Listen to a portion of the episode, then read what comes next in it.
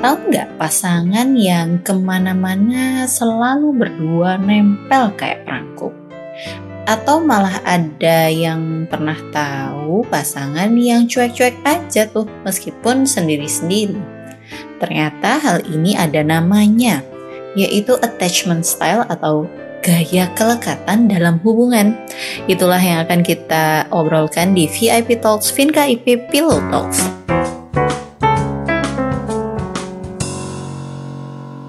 Mbak Ipip. Hai Mbak Assalamualaikum. Waalaikumsalam. Selamat apa nih? Pagi ya di sana ya masih pagi ya. Iya, selamat pagi, selamat siang, selamat sore, selamat malam. Kapan pun teman-teman mendengarkannya. Kali ini kita bakal ngobrolin yang ada di opening tadi. Aku agak bingung gaya kelekatan. Hah, apa itu gitu kan? Mungkin yang mendengar juga sama merasa seperti aku ya ini. Ini topik menarik yang diusulkan sama Mbak Ipip nih. Aku pengen tahu nih. Apa itu gaya kelekatan? Apa itu ternyata bahasa Inggrisnya adalah attachment style. Nah, apa sih Mbak Ipip attachment style itu? Iya Mbak, aku juga se- sejujurnya juga baru tahu kalau bahasa Indonesianya gaya kelekatan. Sebelumnya memang pakai termnya attachment style. Jadi kayak apa ya bahasa Indonesianya ya gitu. Gaya kelekatan. Hmm, apakah ini nggak salah kayak apa busui busui itu kan dan misalnya apakah Iya benar kayak ibu menyusui itu pelekatannya sama bayi gitu ya. Tapi walaupun memang agak mirip-mirip pelekatan dan kelekatan, sebenarnya memang uh, attachment style ini berkembangnya itu dari bayi Mbak Vinka. Oh oke, jadi awalnya malah Awalnya dari situ. memang dari bayi. Jadi uh, attachment style atau kelekatan kita itu akan berkembang dari uh, hubungan dan interaksi kita dengan primary caregiver atau orang tua. Bisa orang tua, bisa apa? Wali atau orang yang benar-benar deket sama kita waktu kecil gitu. Mm-mm, mm-mm, yang Jadi, membesarkan kan, yang membesarkan caregiver kita. ya. Uh-uh. Mm-mm. Jadi apakah orang itu memberikan kita ruang yang aman bagi kita untuk uh, terbuka? Apakah orang itu Hmm. memberikan kita ruang yang aman untuk rely on them gitu? Apa Hmm, ber, bisa ber- diandalkan, bisa diandalkan bisa nggak? bergantung, bisa gitu bergantung ya. pada orang ini enggak gitu. Jadi Mm-mm. ketika misalnya gimana sih cara taunya kelekatan kita gitu? Misalnya kalau sesederhana misalnya ketika kamu ditanya siapa sih tempat orang sebagai tempatmu kembali cie kalau lagi sedih atau Ah. kalau lagi apa butuh ngobrol gitu siapa sih orang yang pertama kali kamu hubungi misalnya Mm-mm. siapa sih orang yang pertama kali ada di pikiranmu gitu ketika kamu merasa butuh apa ya istilahnya itu butuh dorongan butuh support atau butuh eh, tempat apa namanya bersandar. tempat bersandar iya betul Oke, nah oke. dan ini karena kan ini sudah dipupuk sejak dini kan nah, nan- ketika kita sudah dewasa hal ini juga mempengaruhi bagaimana ekspektasi dan kepercayaan kita tentang eh, dalam hubungan ten- dengan orang lain dengan pasangan kita gitu mbak jadi mungkin ketika dulu dia berada di tempat yang aman untuk bercerita, untuk membuka diri, eh, untuk mendapatkan dorongan support dari orang yang dia percaya gitu. Ketika dia tumbuh dewasa, dia akan jadi pribadi yang secure gitu. Dia ngerasa percaya diri dengan dirinya, dia ngerasa orang lain positif gitu. Dia melihat orang lain sebagai pribadi yang positif dan dia merasa hubungan dia dengan pasangannya itu akan baik-baik aja gitu. Walaupun mereka mungkin akan jauh, walaupun mungkin mereka jauh secara jarak ya berarti ini maksudnya. jago sejarah jarak iya. Atau misalnya punya masalah gitu. Misalnya ada masalah ini ini ini. Mereka tetap bisa bertahan karena mereka ngerasa that's okay gitu. Kita kan baik-baik aja gitu. Ini bukan tentang kita tapi tentang masalah yang uh, sedang kita Hmm, hadapi. jadi kita bisa ini. Jadi ada perasaan secure di situ Ah, I see. Ternyata itu ya gaya kelekatan tuh hubungannya sama itu tadi. tapi Eh. kayaknya agak teoritis mbak ya teoritis banget mungkin kita bisa kasih contoh yang lebih bisa dipahami teman-teman gitu mbak Nah, tadi di opening aku bilang eh, mungkin pasangan yang ke mana-mana berdua eh, Mm-mm. atau ada juga pasangan yang ya kayaknya cuek-cuek aja meski nggak harus bersama. Itu Mm-mm. eh, masuk nggak Mbak Ipip di, di contoh tentang attachment style nih? Mm-mm. Itu salah satu bentuk contohnya bisa begitu. Misalnya Mm-mm. pernah nggak punya pasangan yang ke mana-mana pengen ditemenin gitu, kayak kelingi banget. Hmm, Eh, kamu kok nggak ya. balas WA aku gitu atau kamu kok nggak balas pesanku lima menit yang lalu gitu misalnya gitu atau kamu kok bersama orang lain gitu kamu nggak bilang kamu kok nggak cerita sama aku gitu Oh iya iya iya iya. atau misal atau mungkin kita kasih contoh mbak apa ya mbak Iya, oke, Eh, oke. di film-film masa kini atau masa dulu Waduh ini nih yang susah nih. Kalau contoh film tuh jujur aku tuh udah jarang banget nonton Mm-mm. film gitu ya. Kalau yang dibilang kelingi, pengen bareng terus gitu. Entah kenapa yang aku terpikir malah ini Mbak Ipip. eh, kutipan yang terkenal banget dari Titanic itu. Jack Uh. and Rose, tokoh Jack and Rose. You jump, I jump gitu kan. ini ada hubungannya gak sih? Bener apa salah kali ya? Ini contohnya. aku udah lupa mbak Titanic cuman aku inget inget sedikit ceritanya Eh, si Rose ini kan dia dari keluarga yang apa mbak namanya? Hmm, sang kaya yang Eh, eh, pandang terus gitu. tapi dia nggak menjadi dirinya sendiri kan kayak ngerasa Hmm. dia nggak aman gitu dia karena dia dijodohkan gitu kan ya. Betul betul. Tapi ketika dia ketemu sama Jack yang kayaknya artsy bebas. Mereka langsung ke- kelihatan eh, kelihatan klop aja gitu. Iya dia ngerasa nggak pingin meninggal nggak pingin meninggalkan Jack gitu. Mungkin itu bisa si terus si siapa namanya si Rose-nya tumbuh ada preoccupied di situ. Dia pingin Hmm. deket terus dengan Jack. Dia pingin dia takut kehilangan dia gitu. Saya tak butuh uang berapapun banyaknya, saya butuh dekat dengan kau Zainuddin. bisa itu mungkin kayak gitu. At- itu kan yang deket pingin deket terus ya. Kalau contohnya yang on off on off mungkin yang pernah nonton Friends tahu Ross sama Rachel. Ross sama Rachel ya Iya, Ross sama Rachel. Mereka kan kayak on off on off gitu ya. Itu antara mereka itu sebenarnya pengen bersama tapi nggak pengen bersama. Eh, makanya mereka kadang bareng, kadang enggak, kadang bareng, kadang enggak gitu sampai 10 Hmm. season. iya bener ini sebenarnya gimana sih Ah, ah. jadi memang ada namanya orang apa tuh namanya apa tuh Mbak Ipip kalau mereka itu kayaknya antara dismissive avoidance atau fearful avoidance ya. Ada avoidance itu ketika dia merasa nggak pengen cerita, dia nggak mau open ke pasangannya. Hmm, Jadi tertutup eh, gitu menutup diri dulu menutup gitu. diri dari pasangan. Hmm, Kayak orang-orang oke, yang cuek, orang-orang yang bodoh amat, Bodoh amat. Ah, itu biasanya di ada di avoidance-nya tinggi gitu. Hmm, yang nggak mau cerita, yang nggak mau mengungkapkan perasaan gitu, yang nggak mau ada intimacy, biasanya itu yang avoidance-nya tinggi. Itu yang misalnya mereka yang kadang aku sa aku sayang sama dia, tapi aku tidak mau open. tapi aku nggak ngerasa nyaman untuk open sama dia gitu misalnya. Hmm, oke oke. Teman-teman aku tambahin sedikit ini kemarin aku dikasih contekan sama Mbak Ipip. Jadi ternyata ini tuh ada ada kuisnya gitu. Oh, iya. Ada tesnya.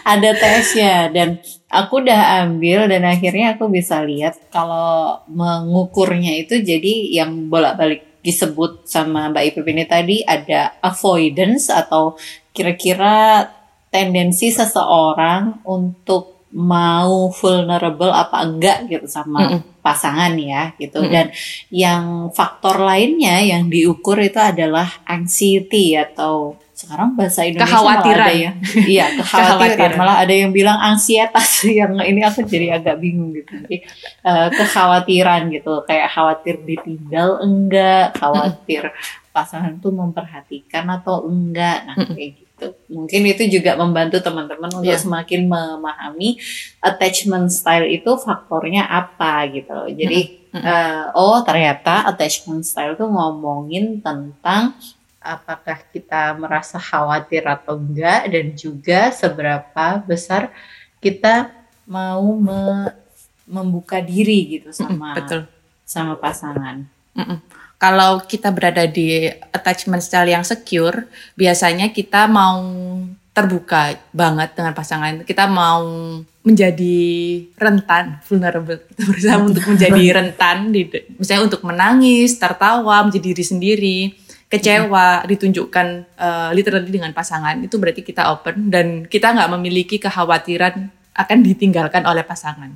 Itu berarti attachment style-nya secure gitu. Kalau entah itu uh, apa opennya tinggi atau anxiety-nya tinggi itu ada derajatnya masing-masing dan ada apa namanya ada pengelompokannya Betul. uh, sendiri juga gitu Kayak kategori kategorinya. kategorinya gitu. Hmm. Kalau tadi kita udah ngobrol Jack sama Rose, mungkin dia avoidance-nya mungkin mereka lumayan rendah, ya Rendah. karena mereka saling ngobrol selama beberapa hari di Titanic kan mereka ngobrol, mereka Mm-mm. uh, membuka diri satu sama lain gitu. Mereka tahu bahkan Rose sampai di gambar sama Jack kan. Iya betul. Berarti dia ada perasaan percaya gitu sama Jack gitu karena dia udah mau buka-bukaan literally juga. Tapi yang takutnya adalah eh, itu tadi anxiety-nya ya, khawatir betul. untuk ditinggal. Makanya Mbak Ipe bilang dia di preoccupied attachment itu tadi. Iya betul.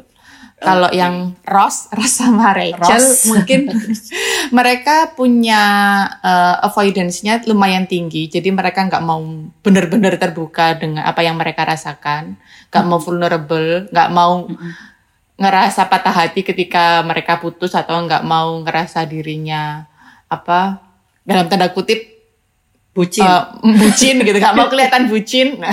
Iya betul. avoidance-nya tinggi gitu. Tapi kalau merasa kehilangan atau enggak ada di beberapa season yang Ross itu anxiety-nya juga tinggi.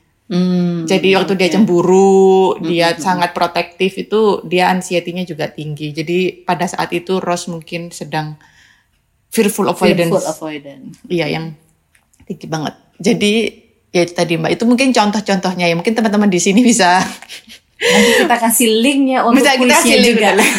kita kasih link untuk lebih kuisnya. mudah. Jadi teman-teman yang penasaran bisa langsung ah aku coba ah kuisnya gitu ya. betul betul. Pertanyaan selanjutnya, pernah nggak sih punya pengalaman Mm-mm. dengan atau tahu cerita tentang orang yang attachment style-nya itu berbeda dengan pasangan. Jadi Mm-mm. pasangan itu yang satu apa, yang satunya apa gitu. Pernah nggak Mbak Ipin?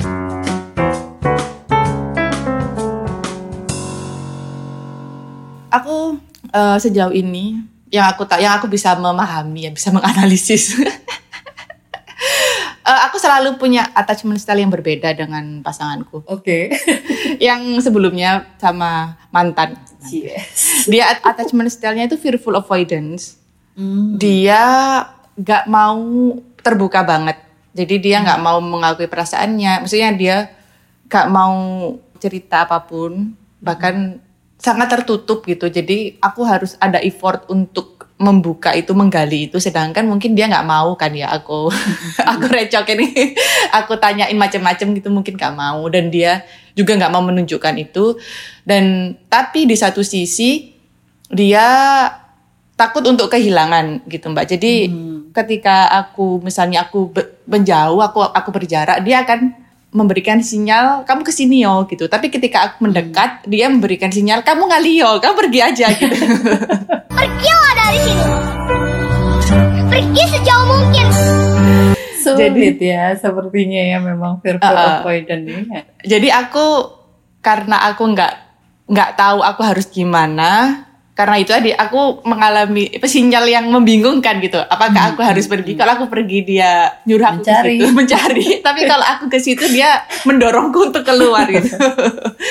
Jadi akhirnya nggak cocok.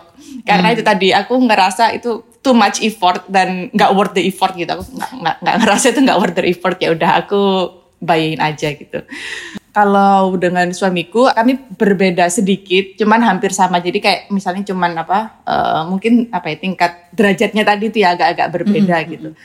Dan Beti, beda tipis. Mm, beda tipis. ya. Tapi aku bisa memahami itu, maksudnya oh that's okay, itu apa namanya keragaman, itu salah satu bentuk keragaman.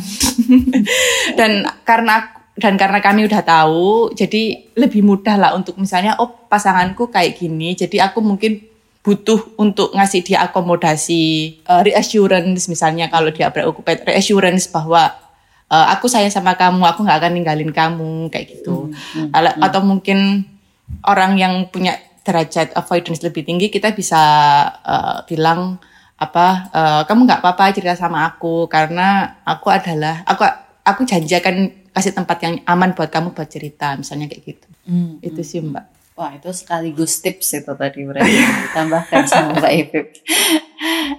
Aku juga kayaknya sama suami pun juga berbeda gitu. Tapi persis seperti yang diomongkan Mbak Ipip eh, di terakhir tadi juga melihatnya sebagai spektrum aja sih gitu. Maksudnya eh, bukan wah kalau dia dia khawatir terlalu khawatir banget gitu atau enggak jadi lebih kayak ke tengah-tengah gitu jadi Mm-mm. bukan bukan di ujung-ujung dari spektrum itu juga dan menurutku ada hal yang bisa untuk dan perlu untuk Mm-mm. being vulnerable dan ada yang enggak juga gitu ada hal-hal yang kalau kalau dia nggak pengen cerita ya nggak apa-apa gitu tapi ada hal yang mungkin penting untuk being vulnerable gitu. Jadi menurutku yang penting dikomunikasikan aja gitu. Jadi eh, bisa memahami apakah hal ini penting untuknya atau tidak atau penting untukku atau tidak gitu.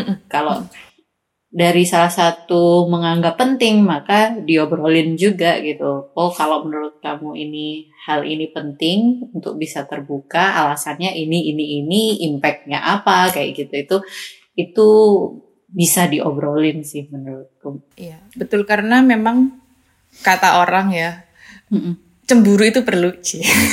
Jadi memang memang ada bumbu-bumbu kekhawatiran untuk ditinggalkan itu alami. Jadi kita nggak nggak nggak apa ya nggak harus mensupres perasaan itu gitu. Karena memang ya memang kita harus mengakui bahwa hal itu ada gitu. Kita ada kekhawatiran untuk ditinggalkan sama orang yang kita cintai. Itu wajar banget. Dan kita ada ketakutan untuk menunjukkan sisi terdalam kita de- kepada orang lain pun juga nggak masalah gitu itu wajar banget.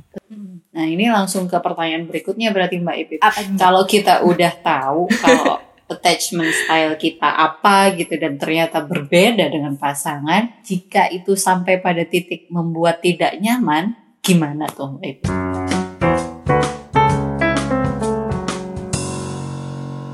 Kalau aku pribadi mm, mungkin dua pilihannya Mbak take it or leave it. Oh langsung. Oke. Pasti ada penjelasan di balik ini. Iya. Gimana tuh? Kalau misalnya memang take it ya udah kamu terima aja gitu.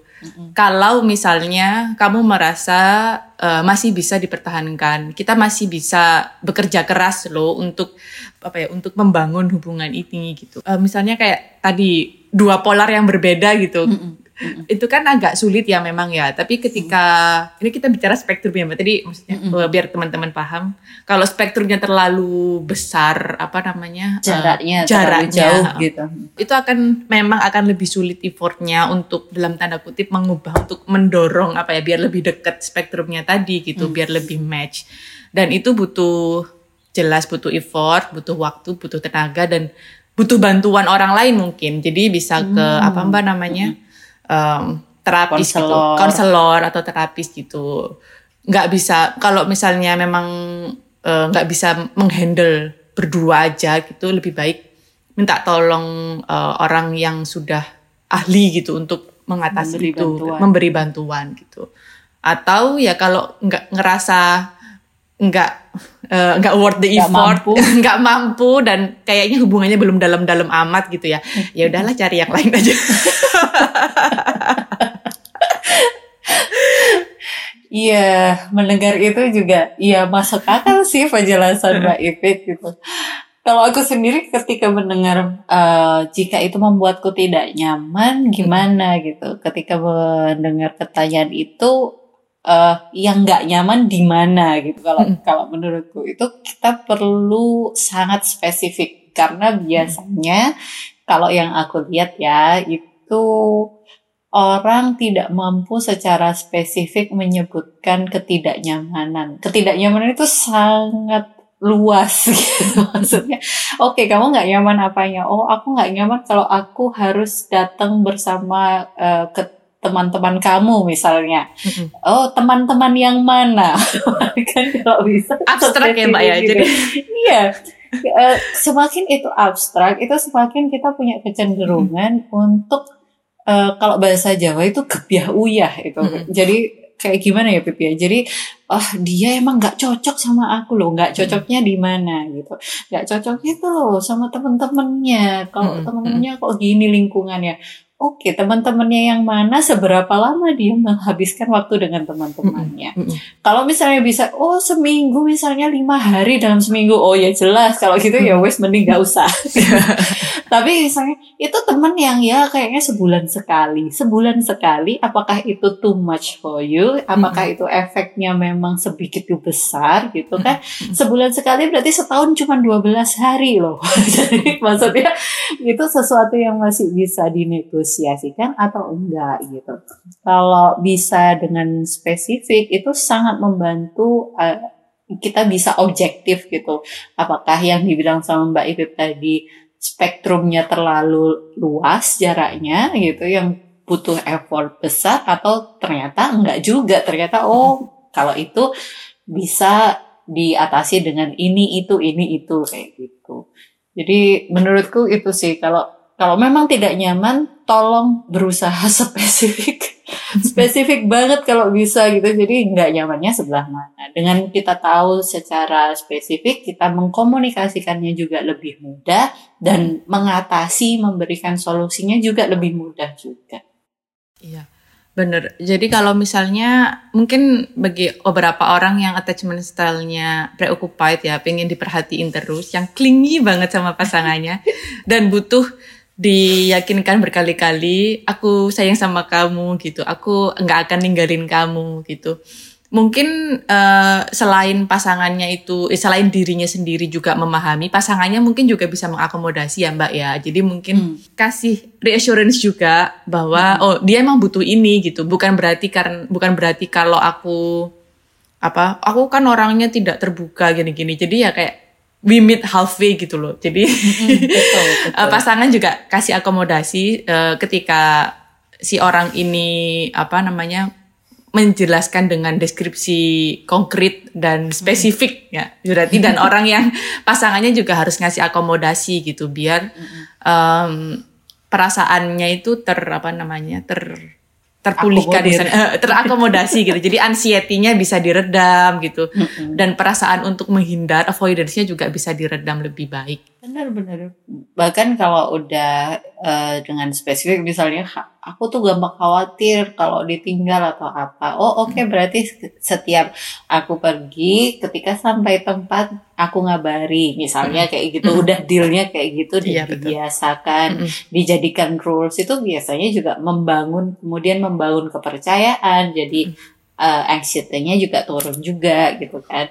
Mm-mm. meet eh, halfway itu penting memang Dan kalau misalnya itu kan tadi yang apa ya eh, anxiety, mungkin kalau untuk yang avoidance mungkin bisa juga dijadwalkan dan dijadikan habit juga untuk apa mbak kayak ngobrol dengan pasangan, misalnya entah ketika sarapan, ketika makan malam, atau ketika mau tidur, atau ketika bangun tidur, whatever. Pokoknya dibiasakan untuk ngobrol dengan pasangan gitu. Lama-lama perasaan merasa butuh, merasa untuk menghindar itu lama-lama akan teredam juga gitu. Ya, ya, ya, ya, asik, asik, asik. Udah sangat ini sih, udah praktikal dari yang eh, kita bahas ini tadi ya Mbak Ipip. Terakhir sebelum menutup episode ini, apakah ada yang ingin ditambahkan Mbak Ipip? Hmm, ini informasi yang mungkin nggak banyak orang yang tahu, belum banyak orang yang tahu gitu. Eh, tapi ini sebenarnya penting juga buat sebagai salah satu bentuk upaya kita untuk memahami diri sendiri gitu. Kita sempat ngobrol tentang love style ya di episode-episode sebelumnya. Mm-mm. Dan love language juga kita sempat ngobrol kayak, Mm-mm, kayak mm-mm. sekilas sempat Pernah. ngobrol love language juga dan attachment style itu salah sa- sama pentingnya juga dengan love language dan love style itu gitu untuk memahami diri kita sendiri, memahami pasangan dan memahami hubungan kita gitu. Jadi ya mungkin teman-teman bisa kita akan kasih link di bawah ini. untuk kuisnya ya bisa coba deh. Uh, dan ini ada hubungannya kalau sama episode yang sebelumnya juga hmm. membantu tentang otonomi itu nggak sih Mbak Iti? Oh iya betul juga betul. Pahami juga bahwa manusia tuh juga butuh waktu untuk otonomi untuk sendiri mm-hmm. juga. Iya betul nah, betul. Dengan memahami bahwa attachment style ini seperti apa, kita jadi lebih mudah. Oh iya, mungkin dia tidak seotonomi aku gitu. Iya betul. dia uh, butuh waktu bersama lebih banyak misalnya. Mm -hmm. Nah, itu akan akan jadi lebih mudah untuk kemudian ke depannya merencanakan atau memberi usaha macam apa dalam romantic relationship kita sehingga bisa terus hmm. berjalan dengan langgeng kayak hmm. gitu. Iya. Itu menurutku. Terima kasih teman-teman. Ya, Semoga kasih. kita bisa ngobrol lagi next di episode selanjutnya. -hmm. Bye-bye. Bye.